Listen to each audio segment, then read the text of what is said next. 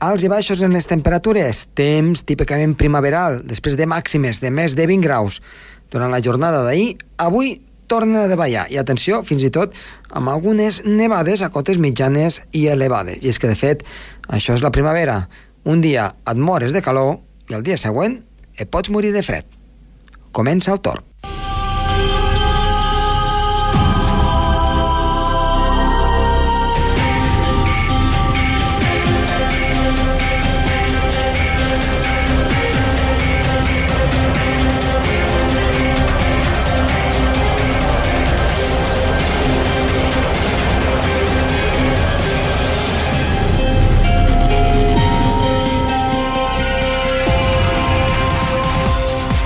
Molt bona tarda, gràcies de nou per escoltar-nos un dia més, ja sigui per internet, des del seu transistor o des del seu vehicle.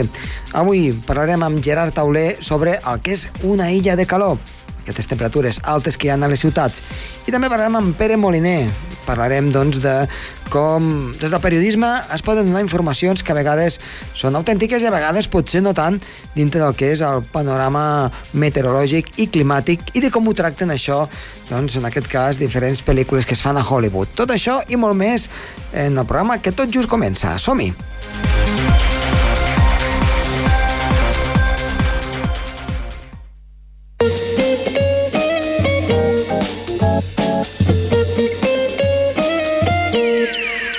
Comencem el programa amb Gerard Tauler, que avui ens portarà, com sempre, doncs, eh, aquell moment meteorològic especial, doncs, aquella anècdota o doncs, aquell tema de meteorologia que sempre ens interessa. Gerard, molt bona tarda. Hola, molt bona tarda, Josep Tomàs. Avui què ens portes? L'illa de calor urbana. La illa de calor urbana. Això sembla com si ens fiquessin doncs, eh, dintre la ciutat un bon abric. No sé si és així Sí, que funciona, sí. però n'hem sentit a parlar. Les temperatures són més altes a la nit durant la ciutat que els afores, que els camps i els boscos que l'envolten. I això només passa al llarg de la nit? Sí, eh, durant el dia fins i tot la ciutat és més fresca. Mhm. I això és per culpa de, dels materials urbans que retenen calor durant el dia, absorbeixen la radiació solar durant el dia i, i la re retornen a l'atmosfera durant la nit. Mhm. A més, hi ha també els, els tubs d'escapament dels cotxes que donen calor.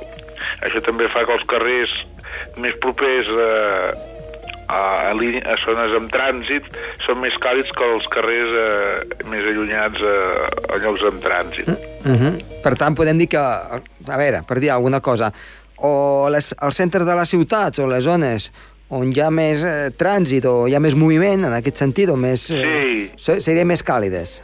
Són més càlides, sí, sí. La perifèria, els barris menys densos, per exemple. Uh -huh. I les zones industrials també són... També són càlides, Càlides. Sí, sí, però no tant. Uh -huh. No tant. Aquí a Girona hem trobat una diferència màxima de 12,1 graus, que és el dia de calor màxima, 12,1 graus. el 31 de desembre de 2007. Això Però és una això- diferència molt forta. Uh -huh. Això sempre es dona més aviat a l'hivern, no?, perquè per sí, aquestes però dates... vegades a l'estiu hem trobat diferències gairebé de 12. Sí, sí. El, 30, el 18 de juliol del 2012 vam trobar 11,8. Mhm. Sí. I això és entre, en línia recta, quants, de quants metres o quilòmetres estem 5 parlant? quilòmetres i la diferència d'alçada són 10 metres, vull dir que es pot considerar a vegades vàlida, sí, Mhm. sí. 12 graus... El de Sala és el punt més fred dels, dels afores de Girona i l'Eixample de Girona al centre doncs, Mhm. és la zona més càlida.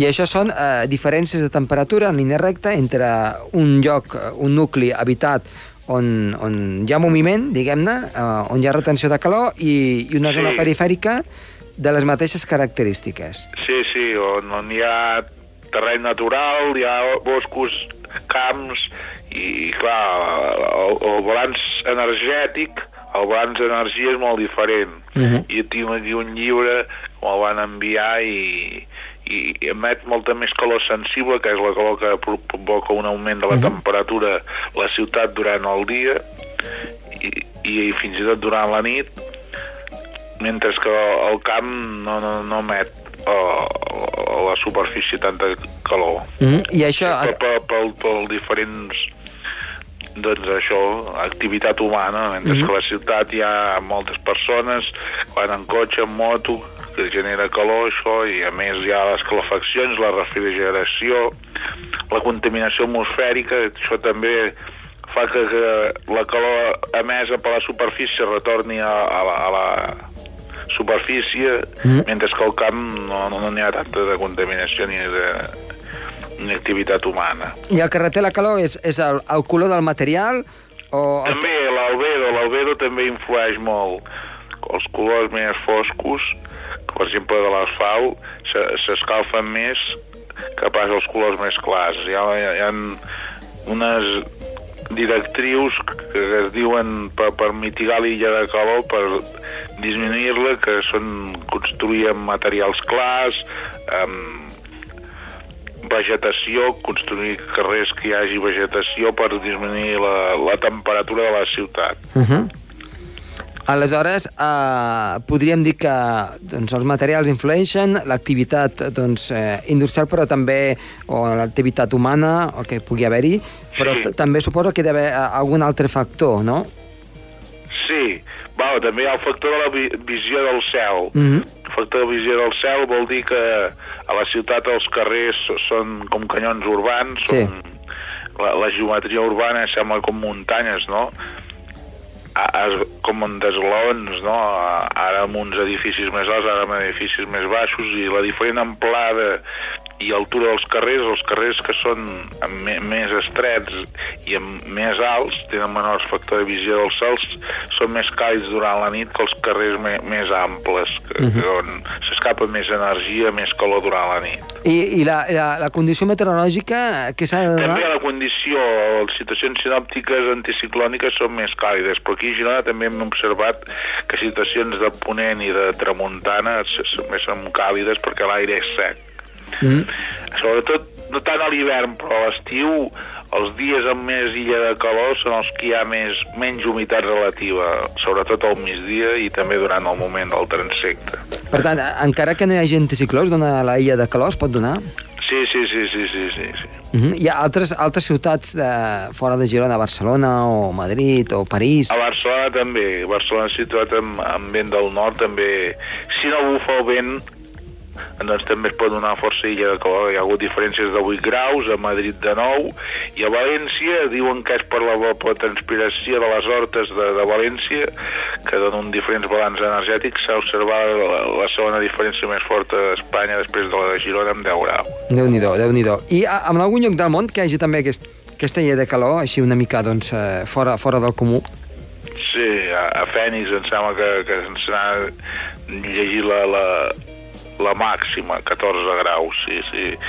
Però tot i això, a, a Fènix es produeix l'efecte de l'àcid tèrmica al migdia. Com és una ciutat en un clima desèrtic uh mhm. -huh. i hi ha, hi ha molta vegetació al centre, doncs les temperatures són més baixes al centre al migdia que als afores, però això no succeeix a la nit que la ciutat és molt més càlida. Uh mhm. -huh.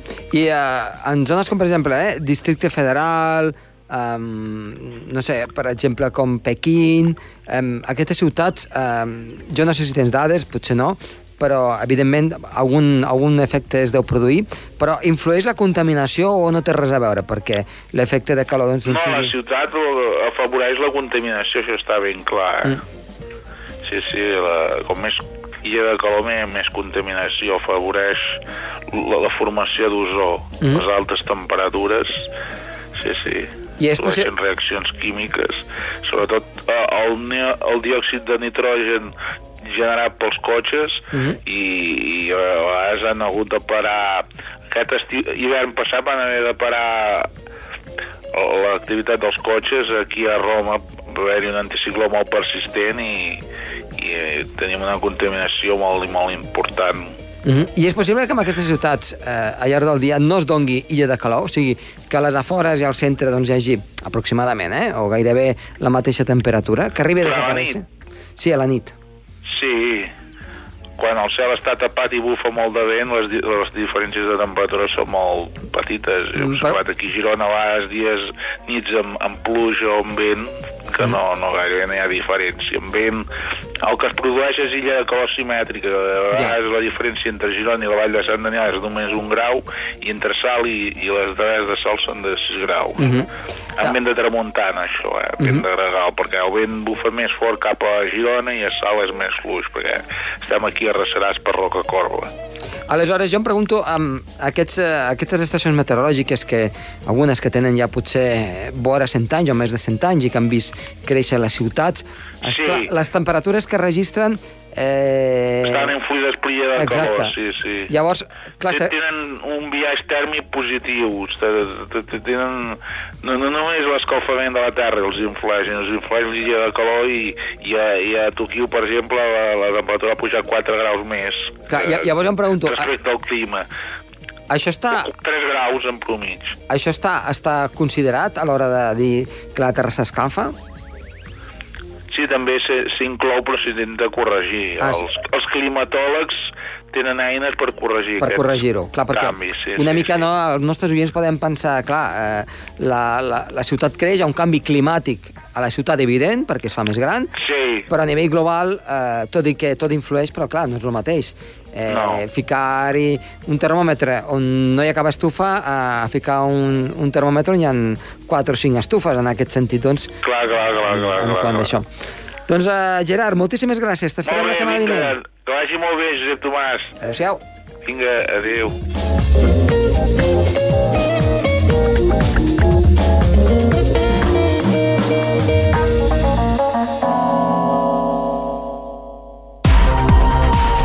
El torn amb Josep Tomàs.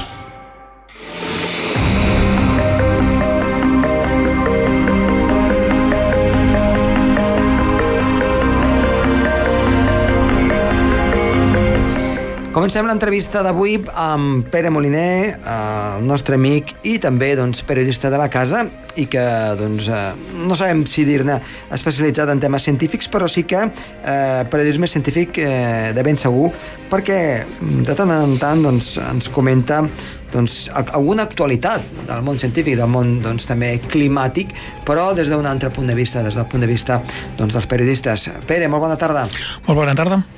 Gràcies per estar una vegada més aquí amb nosaltres. Avui eh, el tema doncs, que volem portar és una mica el tema de la divulgació científica dintre del periodisme, però dintre del que és eh, la bona praxis de la divulgació i també, a vegades també es fa, perquè no, cal dir-ho, aqu- la mala praxis, no?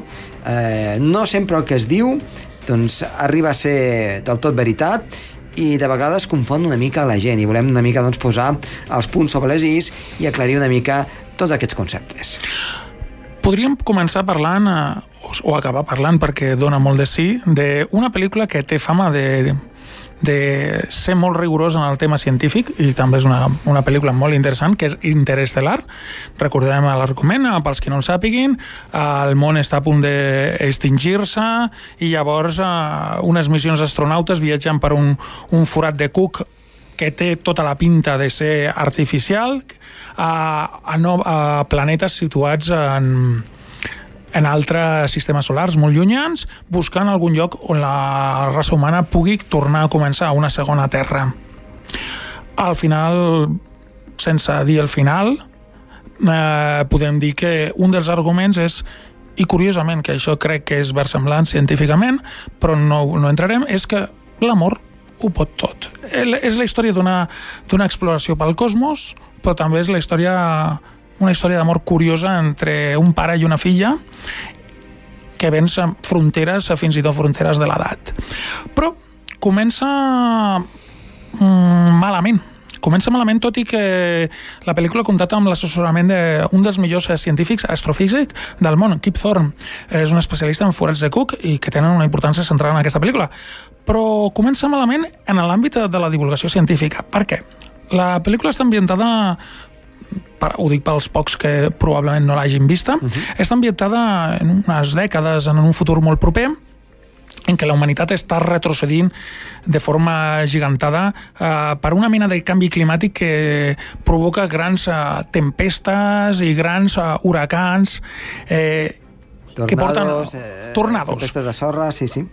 Tot això no és massa versemblant uh, científicament. Per què? Pues perquè tu ets l'especialista, però ho de saber si tot això passés, per exemple, se suposa que passa en una zona del centre dels Estats Units i es dona a entendre que és a tot el món, eh, el clima estaríem molt embogit eh, climàticament i estaríem no només en un canvi climàtic cap a una zona molt, molt elevada, sinó que probablement l'estructura de la de la vida intel·ligent i fins i tot de la vida correria cert perill.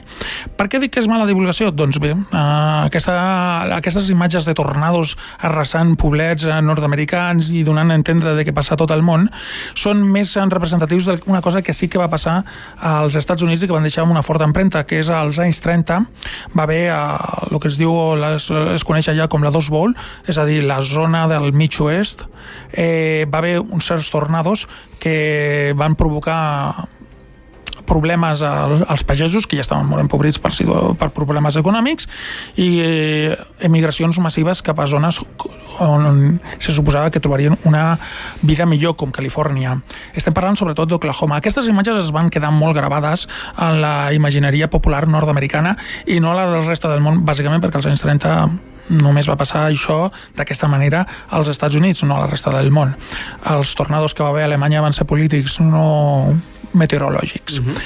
uh, un exemple, per exemple, és la pel·lícula famosa de 1940, Els raïms de la ira, on es veu exactament això, com uns pagesos d'Oklahoma es queden sense res per culpa d'uns tornados, per culpa sobretot dels problemes econòmics i han d'emigrar a Califòrnia intentant tenir una millor vida.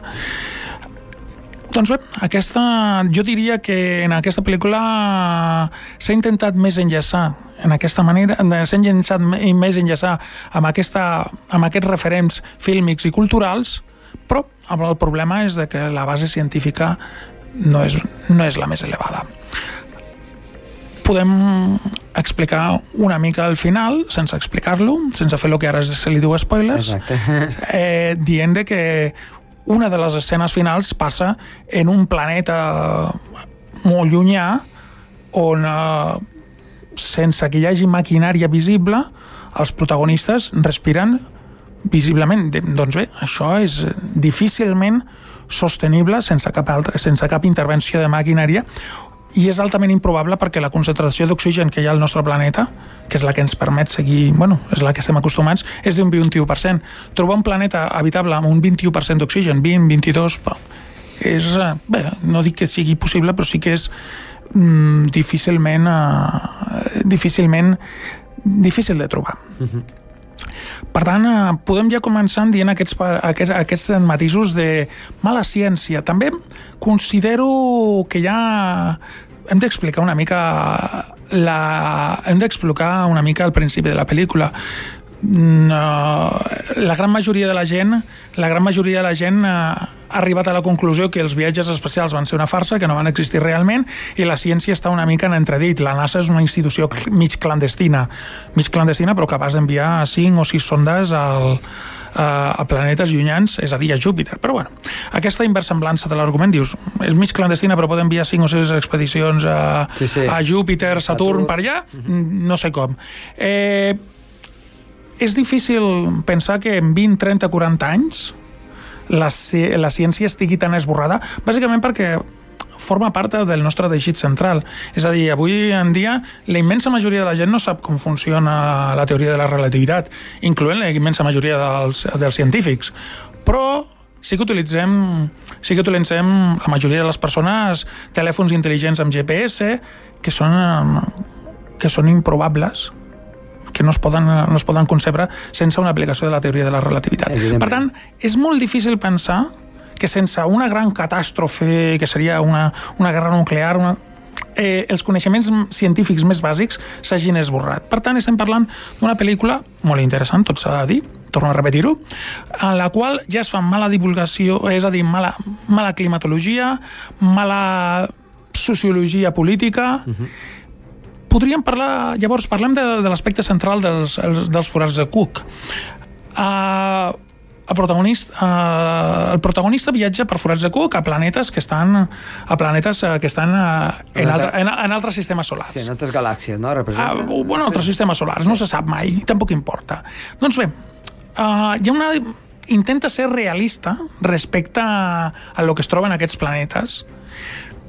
Però clar, també ens oblidem d'una cosa que dona a entendre de que hi ha diverses expedicions que han aguantat durant uns quants anys i això ho tracta bé, és a dir, personatges que han embogit, personatges que volen sobreviure, personatges que han mort per diverses circumstàncies que no s'havien previst, l'efecte de la relativitat, tot això està molt bé i és molt interessant, però no, no, para, no, no explica no explica coses tan senzilles com es necessita molta energia, encara que sigui per, per viatjar des de un forat de cuc a un planeta que està a 200 o 300 o 400 milions d'anys, es necessita molta energia.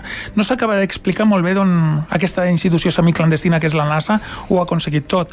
Al final resulta que eh, aquest forat de cuc és interdimensional, bueno, no s'explica i és, eh, es dona aquesta possibilitat de que es pot viatjar entre dimensions, eh, temporals, no entrarem aquí a parlar si això és, és verosímil o no és verosímil no entrarem a parlar perquè es dona per suposat a, eh, de que ha estat una civilització superior que vol salvar l'home i jo dedueixo que dedueixo que és una, el propi home del futur que ho decideix fer, però això és una, és una suposició meva, tampoc, tampoc queda clar tampoc queda clar i no importa. És a dir, algú que ha fet alguna civilització més avançada, potser nosaltres mateixos, ha creat aquell forat de cuc per salvar la Terra perquè si no s'enfonsarà ella soleta. Doncs molt bé, el que no explica tampoc eh, per aquest amor a l'aventura és com, eh, com encara, encara tenen aquestes reserves, torno a dir-ho, que és molt important per la credibilitat i sobretot més important com és que quan les coses sembla que solucionen, solucionin de forma relativament ràpida. Això, això succeeix molt amb les pel·lícules, que a mi em dóna l'impressió a vegades de que eh, la impressió eh, que se'm queda, mira, no sabem com acabar-la i, i han fet un, un cop de porta i punt. Bueno, en la pel·lícula, clar, és que aquí desvetllarem potser una part de la trama sense explicar-la. Eh, hi ha un moment molt maco, molt, molt interessant dels últims minuts en les quals eh, la, arribes a entendre que la dimensió bàsica és l'amor que sent el protagonista per la seva filla, que té un rol, in, un, rol, un rol transcendental, tot això és molt interessant, però sembla més a una, de, a una còpia de... Volem fer una, mm, una revisió del 2001, però una mica més científicament acurat, i ja està. Clar, eh, donen a entendre una mica que, que una de les dimensions és l'amor. Sí. Eh? O sigui, el temps, l'espai, podríem ficar eh, les cordes, 11 eh, dimensions, però una de les dimensions és, és l'amor que aquesta doncs traspassa tot, no? Una mica. És, un... és com la, la, la, una mica la, la frase final o la, la, la, una mica doncs, el missatge, no? Sí, és la, és la visió metafísica, mm. però, però jo crec que en el fons el que s'ha volgut eh, fer és una revisió de, de 2001. És que tu no va dir, eh? Dic, això em sembla una còpia de 2001, eh? És una revisió de 2001 Uh, però li ha faltat la grandiloquència de 2001. Ah, és a dir, 2001, la immensa majoria de la gent no va entendre el final de la pel·lícula fins que Arthur C. Clarke va fer la novel·la mm, més o menys eh, basada en el seu guió. Molt bé, llavors vaig dir, ah, mira, el que passava és que hi havia uns éssers superiors, eh, estan al monolit, que utilitzen el monolit, és una màquina super, quasi, quasi superperfecta, i que ajuden a la raça humana o que la fan evolucionar després es veurà que és una mica més complicat. Però a mi la part més perillosa que em va semblar és la raça, el, el missatge és d'acord, l'amor tot ho salva, sí, sí, d'acord, l'amor tot ho salva per als dos protagonistes, però abans han necessitat un forat de cuc fet per alguna raça superior perquè si no la raça humana s'enfonsa en la misèria i tal. Jo no crec que sigui tan fàcil, excepte si ens destruïm amb una guerra atòmica, i que és molt probable de que finalment haguem de marxar del planeta Terra perquè l'hem deixat prou tocat. Però les coses no van tan ràpid ni és tan... No, no, ni, és, ni per bé ni per mal van tan ràpid. Ni tan, ni, se, ni tan, com es diu aquesta pel·lícula, ni tan eh, ràpid per mal al principi, ni tan ràpid per bé com al final. Però a mi el que em sembla més perillós és aquesta... No, no tant l'amor ho pot salvar tot, que és metafísica, fins i tot creïble, més creïble del que ens pensem, una llicència poètica, per entendre's, sinó allò de que sí, sí, el que tu vulguis, però la raça humana, si no arriba a ser per aquest forat de cuc, se'n va, no, a pastar, se'n va a pastar fang. És a dir, necessita un germà gran que, que l'ajudi. Uh mhm. -huh. Potser és creïble, però això no, però no deixa de ser més un, que una actualització de les religions i jo crec que el que hauríem de pensar és que la raça humana tenim el potencial per destruir-nos, que això és fàcil d'entendre, però també per salvar-nos a nosaltres mateixos. Pere, continuem parlant perquè és un tema obert, molt interessant i de, de ben segur, doncs, si no surt eh, doncs, cap article o alguna pel·lícula, doncs, trobarem un momentet doncs, per poder-ho comentar. Moltes gràcies i fins la propera. Fins la propera.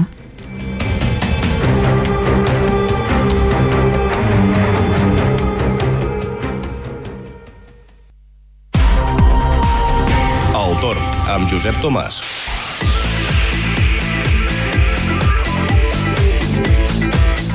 I el temps per aquest cap de setmana? Doncs atenció que les temperatures han baixat, baixen ara mateix, ho faran també al llarg de divendres amb algunes nevades i el dissabte i el diumenge. Variabilitat. Dissabte més assolellat, temperatures baixes a primera hora i després aniran remuntant poquet a poquet. Diumenge s'acostarà una pertorbació per l'oest de la península Ibèrica que ens afectarà ja cap al final del dia, això sí, amb temperatures una mica més altes. Per tant, un bon moment per anar a esquiar, anar a la muntanya, perquè tindrem doncs, aquestes darreres nevades i deixarà una mica de núvols a les nostres muntanyes.